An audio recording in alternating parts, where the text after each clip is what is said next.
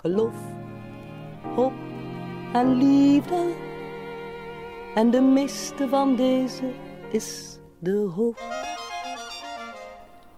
Je moet het als een goddelijke drukfout lezen. Waar geloof je in? Waar hoop je op? Waar hou je van? Welkom bij deze podcast.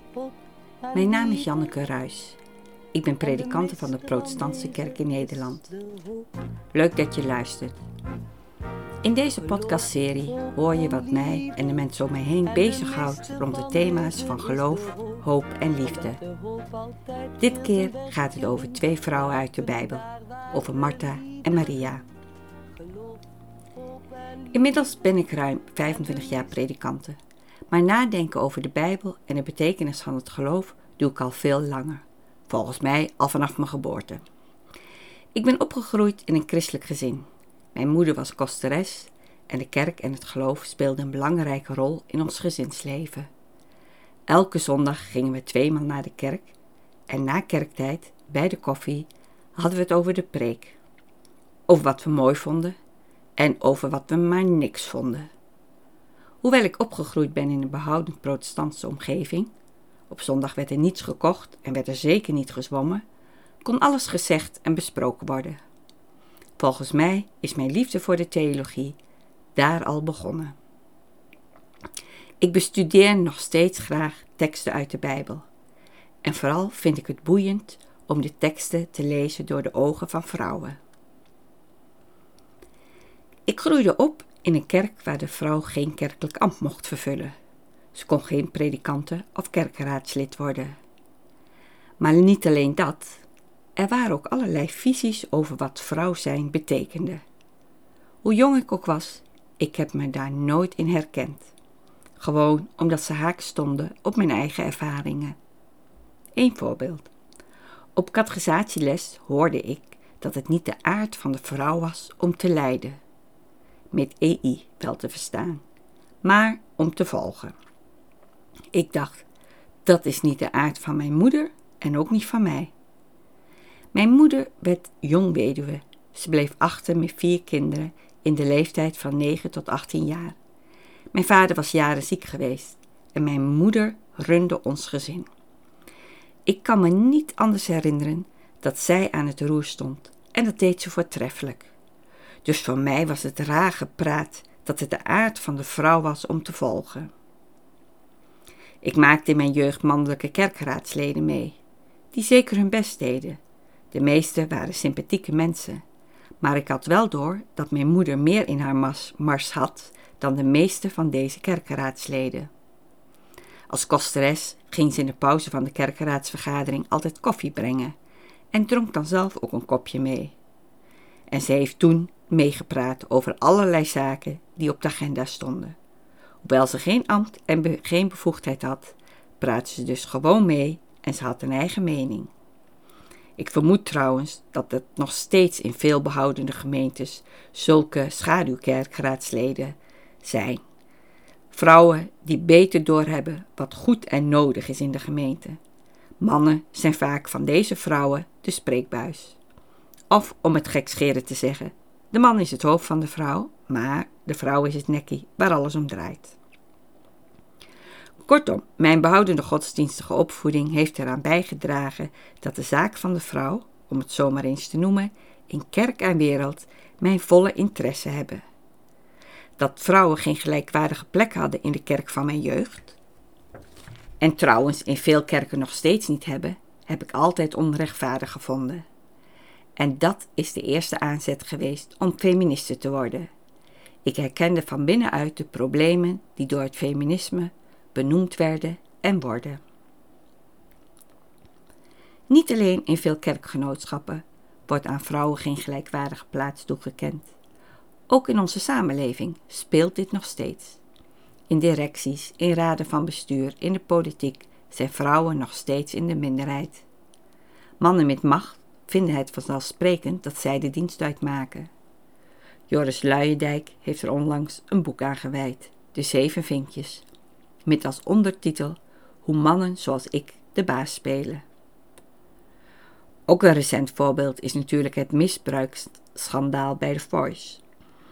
Ik zie John de Mol nog zo vol zelfingenomenheid vertellen dat hij zijn zwager Jeroen Rietbergen alle hoeken van de kamer had laten zien, toen er een melding was van grensoverschrijdend gedrag. John was zeer tevreden over zijn optreden. Maar wie levend in de 20ste eeuw nog steeds niet doorheeft dat het een zeldzaamheid is dat mannen eenmalig grensoverschrijdend gedrag vertonen, is wel erg onnozel. Toen had hij moeten onderzoeken wat er misschien nog wel meer mis was in zijn bedrijf. Vanuit zijn positie kon hij niet begrijpen wat vrouwen meemaakten en zag niet in dat zijn zwager wel degelijk macht had.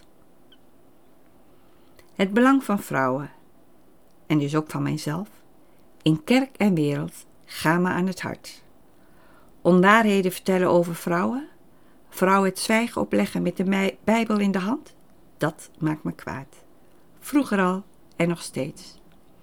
Toen ik theologie studeerde, vond ik het daarom boeiend om Bijbelteksten te lezen vanuit het perspectief van vrouwen. Mijn afstudeerscriptie ging over het verhaal van de twee zussen Martha en Maria, wat alleen te lezen is bij de evangelist Lucas.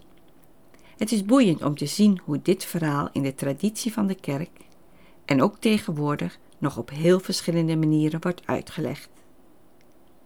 Maar eerst nu het verhaal zoals het verteld wordt in de nieuwe Bijbelvertaling. Toen ze verder trokken, ging hij een dorp in, waar hij gastvrij werd ontvangen door een vrouw die Martha heette. Haar zuster, Maria, ging aan de voeten van de Heer zitten en luisterde naar zijn woorden. Maar Martha werd helemaal in beslag genomen door de zorg voor haar gasten. Ze ging naar Jezus toe en zei: Heer, kan het u niet schelen dat mijn zuster mij al het werk alleen laat doen? Zeg tegen haar dat ze mij moet helpen. De Heer zei tegen haar: Martha, Martha, je bent zo bezorgd en je maakt je veel te druk. Er is maar één ding noodzakelijk. Maria heeft het beste deel gekozen en dat zal haar niet worden ontnomen. Het is een kort verhaal en het is een bekend verhaal. Er wordt regelmatig over gepreekt, ook tegenwoordig. Het is, zoals ik al zei, interessant dat in de uitleggeschiedenis heel verschillend tegen dit verhaal aangekeken is. Ik vermoed dat dit onder andere komt door de Jezus-uitspraak: Martha, Martha, je bent zo bezorgd en je maakt je veel te druk. Er is maar één ding noodzakelijk. Dat is een raadselachtige uitspraak. Van deze woorden die Jezus zou hebben gesproken, zijn ons maar liefst tien tekstvarianten overgeleverd. In het Grieks in de taal waarin het Nieuwe Testament geschreven is. En de vertaling van de Nederlandse Bijbelvertaling wijkt erg veel af van de Griekse tekst.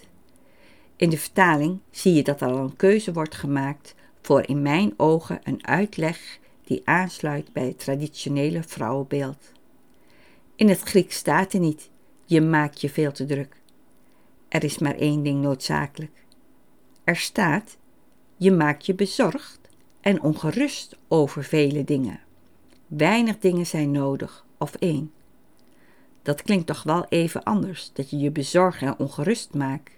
Dat is wel wat anders van je maakt je veel te druk. De invulling van het vele, het weinige en het een heeft onder theologen veel discussie opgeleverd. In preken over dit verhaal wordt Martha vaak beschreven als een vrouw die overdreven druk bezig is in de keuken en met het huishouden. Dat zijn de vele dingen. En er wordt er vaak bij verteld dat het goed was dat ze het huishouden deed en een lekkere maaltijd klaarmaakte. Maar ze moest niet overdrijven. Martha wordt weggezet als een klagende vrouw die het te druk heeft, terwijl ze zelf degene is die zich druk maakt. Nergens voor nodig, al die drukte. Het verhaal is ook regelmatig afgebeeld. Een bekend voorbeeld is het schilderij Christus in het huis van Martha Maria voor Johannes Vermeer. Martha wordt afgebeeld met een groot stuk brood in haar handen. Wie aan Martha denkt, denkt aan de keuken en aan eten. Zo is het verhaal door de meeste theologen begrepen, ook hedendaagse theologen. De theoloog Karel Eijkman bijvoorbeeld plaatst Martha ook in de keuken, in zijn nog steeds populaire kinderbijbel, woord voor woord. Hij vertelt het verhaal zo. Ik zal niet het hele verhaal laten horen, maar wel het grootste deel. De twee zusters. Jezus was met zijn vrienden aangekomen in het volgende dorp. Terwijl hij stond te praten, kwam er iemand naar hem toe. Hij zei: Mevrouw Martha laat u vragen of u bij haar komt eten. Iedereen hier kent haar. Het is een fatsoenlijke, hardwerkende vrouw. U kunt er gerust naartoe. Tegen het eind van de middag ging Jezus naar het huis van mevrouw Martha. Martha kwam uit de keuken aangehold. Welkom, zei ze, welkom, gaat u toch zitten. Neem deze stoel, die is makkelijker. Ik kan u nog geen hand geven. Mijn handen zijn nat van het groente klaarmaken. Wat zal ik klaarzetten? Een kan water en een kruik wijn? Let u maar niet op de rommel. Dat is van mijn zuster. Let u maar niet op mijn zuster daar. Ik moet even in de keuken kijken hoe het met mijn vlees staat. In de hoek zat een meisje. Hoe heet jij? vroeg Jezus. Maria, zei ze. Zo heet mijn moeder ook, zei Jezus. Het is een mooie naam. Ja, zei ze, maar wat heb je aan een mooie naam? Ach, wat wil je nog meer? vroeg Jezus. Ik weet het niet, zei ze. Ik wou dat ik het wist. Zal ik het hier maar neerzetten? zei Martha. Ze kwam binnen met water en wijn. Ze liep om Jezus heen en ging weer terug naar de keuken. Is er iets wat je echt graag wil? vroeg Jezus aan Maria. Nee, zei Maria. Er zijn anderen die doen hun best om goed te leven. Die zorgen dat ze alles doen wat hoort. Die zorgen goed voor hun huis. Zo iemand als je zuster, vroeg Jezus. Ja, zei Maria, maar zo ben ik niet. Zo kan ik het niet. Laat het niet koud worden, zei Martha, anders verpietert het maar. Ze bracht een dampende schaal binnen met eten. Ik ben zo terug, zei ze, als zij daar tenminste even wil helpen. Maar Jezus zei tegen Martha: Het is fijn als er lekker eten is, want dan kun je ook prettiger met elkaar praten. Maar als het eten maken zoveel tijd kost dat ik niet eens goed met jullie kan praten, dan is het niet goed. Kom er toch bij zitten. Toen deed Martha haar schort af. Ze kwam erbij zitten en ze praatten tot laat in de avond. Ten slotte hielpen Jezus en Maria nog bij het afwassen, want daar, in de keuken, konden ze tenminste nog doorgaan met praten met elkaar. Eijkman plaatst in dit verhaal Maria en Martha tegenover elkaar, waarbij alle sympathie uitgaat naar Maria en niet naar Martha. Martha wordt in mijn ogen belachelijk gemaakt. Ze hoort bij de mensen die denken dat ze alles al weten, die weten hoe het hoort en geen tijd hebben om te zoeken naar iets nieuws. Een wereld waar het eerlijk aan toe gaat. Ook de opmerking aan het begin van het verhaal dat Martha een fatsoenlijk hardwerkende vrouw is, waar Jezus gerust naartoe kan gaan. Ik vind dat een vreemde opmerking. Met zo'n opmerking wordt de gedachte gevoed dat vrouwen de verleidsters zijn van mannen. De mannen zijn onschuldig. Het lag niet aan hen. De vrouwen gedroegen zich niet fatsoenlijk. Een voorbeeld van blaming the victim. Maria wordt door Eijkman getekend als een zielig en onzeker meisje. Zij wordt door Jezus positief bevestigd. Eijkman probeert aan het eind tot een soort verzoening te komen door Martha te laten doen wat Maria al deed: met Jezus praten. En daarna doen ze samen de afwas en zelfs tijdens de afwas kunnen ze doen wat volgens de Jezus van Eijkman het beste is, namelijk praten met Jezus en met elkaar. Wijlen theoloog Nico Telinde tekent in zijn hervertelling van de Bijbel Het verhaal gaat ook een negatief beeld van Martha. Hij zegt van haar: ze symboliseert de ontevreden wetgetrouwe orthodoxie. Ze is gevangen in boosheid en ze klaagt. Maria daarentegen is ontvankelijk voor het nieuws van Jezus. Ze zet zich aan zijn voeten en luistert naar hem. De linde ziet ze als twee wijzen van geloven die huizen in iedere man en vrouw. Maar het is wel de bedoeling dat Martha wegtrekt uit het diensthuis van de angst en met Maria meegaat naar de stad van de vrede. Er is zelfs een kinderliedje van Ellie en Rickert over Martha. Ook daarin wordt ze afgetekend als een vrouw die overdreven bezig is met het huishoudelijk werk. Dat liedje gaat zo.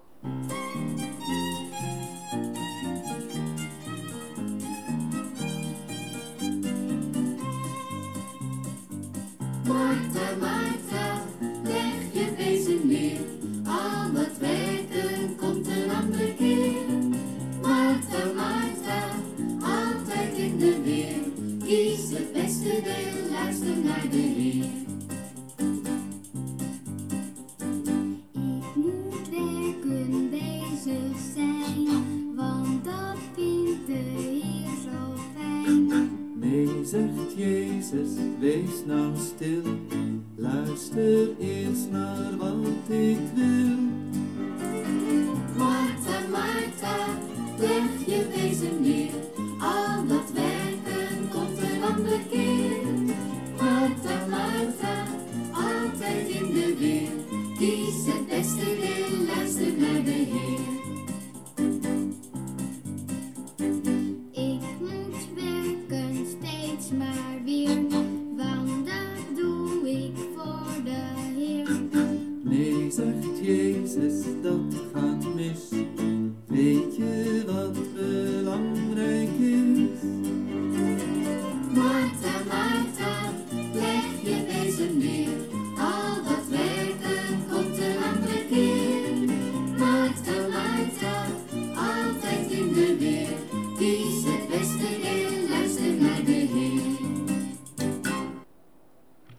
Ergelijk vind ik deze invulling van Martha. Kunnen we Martha weer in eer herstellen? Dat vind ik de uitdaging. We herstellen haar mijnziens niet in ere door haar af te schilderen als een hardwerkende vrouw in de keuken. Maar hoe dan wel? De feministische theologe Susle Fiorenza kijkt met hele andere ogen naar Martha en Maria.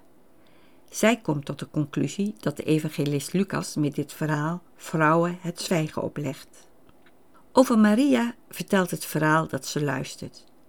Ze is een zwijgende vrouw. Ze doet haar mond in het verhaal niet open. Martha wordt het zwijgen opgelegd als ze openlijk klaagt over haar zuster. Volgens Fiorenza was Martha helemaal niet druk in de keuken. De Griekse tekst zegt dat ze overbelast was door het vele dienen. En dat dienen is het sleutelwoord. In het Grieks staat er namelijk diakonijn, waarin ons woord diaconie te herkennen is. Meestal wordt dat Griekse woord vertaald met het Nederlandse woord dienen. Alleen niet als het over vrouwen gaat. Dan wordt het vertaald als zorgen voor. Vreemd toch? Volgens Jusle Fiorenza slaat het dienen van Martha niet over het klaarmaken van een maaltijd, maar verwijst het woord diakonijn naar de eucharistische tafeldienst en de verkondiging van het woord. Martha is volgens haar druk met het leiden van een huisgemeente en blijkbaar vond Lucas het maar niets dat vrouwen dat deden en legt daarom met dit verhaal Martha het zwijgen op. Fiorenza meent daarom dat dit verhaal maar beter uit de Bijbel geschrapt kan worden. De bekende middeleeuwse theoloog en filosoof Meister Eckhart is ook van mening dat Martha niet in de keuken staat. Hij denkt dat zij druk is met het dienen van Christus. Zij doet wat Jezus tegen zijn leerlingen heeft gezegd: dient elkander. En ook van zichzelf heeft Jezus gezegd: Ik ben gekomen om te dienen. Dat Martha aan Maria om hulp vraagt bij het dienen van Christus is volgens Eckhart geen verwijt, maar moet opgevat worden als een woord van liefde. Martha is bang dat Maria blijft hangen in dat gevoel van gelukzaligheid aan de voeten van Christus, in plaats van dienstbaar te zijn, zoals Christus dat van ons vraagt. Volgens Eckhart is Maria nog de mindere van Martha. Ze is nog aan het leren, terwijl Martha het geleerde al in daden weet om te zetten. Wat vind ik nu zelf van dit verhaal? Het verhaal schrappen uit de Bijbel zou ik jammer vinden. Zoveel verhalen staan er niet in de Bijbel waarin vrouwen met name worden genoemd en een belangrijke rol spelen. Zonder de tekst geweld aan te doen, ga ik liever op zoek naar een uitleg beide vrouwen recht doet.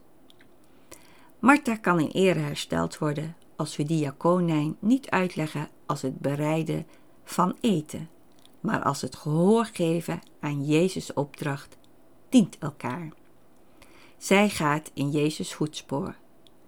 Het zou heel goed mogelijk zijn geweest dat zij in de vroege kerk leidster is geweest van een huisgemeente. Maar ze wordt overbelast door het vele dienen. Jezus' woorden zou je dus ook kunnen uitleggen dat hij als het ware tegen haar zegt: Je doet te veel, ook weinig kan genoeg zijn, of al doe je maar één ding in de navolging van mij. Met andere woorden, Martha mag dienen naar draagkracht. Een mooie gedachte vind ik dat, want laten we eerlijk zijn: wie de nood van mensen serieus neemt, die zal zich al snel tekort voelen schieten in het dienen. Van Maria kan ze op dit moment geen hulp krijgen, want ook zij is met iets goeds bezig. Ze heeft een goed deel gekozen, namelijk het luisteren naar Jezus. Maria is aan het leren. Ze is een leerling en ze wordt door Jezus onderwezen in wat het betekent om een volgeling van Hem te zijn. Veel vertalingen zeggen dat zij het beste deel heeft gekozen, maar dat staat er niet in de Griekse grondtekst. Zij heeft het goede deel gekozen, het deel dat voor haar goed is. Met deze uitleg wil ik aan zowel Martha als Maria recht doen. Beide vrouwen zijn goede volgelingen van Jezus. Maria wordt bevestigd in het leren en Martha krijgt te horen dat ze mag dienen naar draagkracht. Ze hoeft niet meer te doen dan ze aan kan. Of, om het modern te zeggen, Martha leert in dit verhaal van Jezus hoe je een burn-out kunt voorkomen. Ook als je inzet voor een goede zaak, is het niet de bedoeling dat je er zelf aan onderdoor gaat. Tot zover mijn verhaal over Martha en Maria. Toch wel bijzonder dat zo'n oude korte tekst veel mensen inspireert, al eeuwenlang, en dat ik er anno 2022 een hele podcast van kan maken. Geloof, hoop en liefde. En de meeste van deze Dank voor het luisteren. is Vond je het inspirerend? Deel het met anderen. En voor nu? Fijne dag of fijne nacht. geloof in de liefde. Hoop op geloof in de liefde. Hoop op geloof in de liefde. Hop op, geloof in de liefde. Hop op, geloof in de liefde.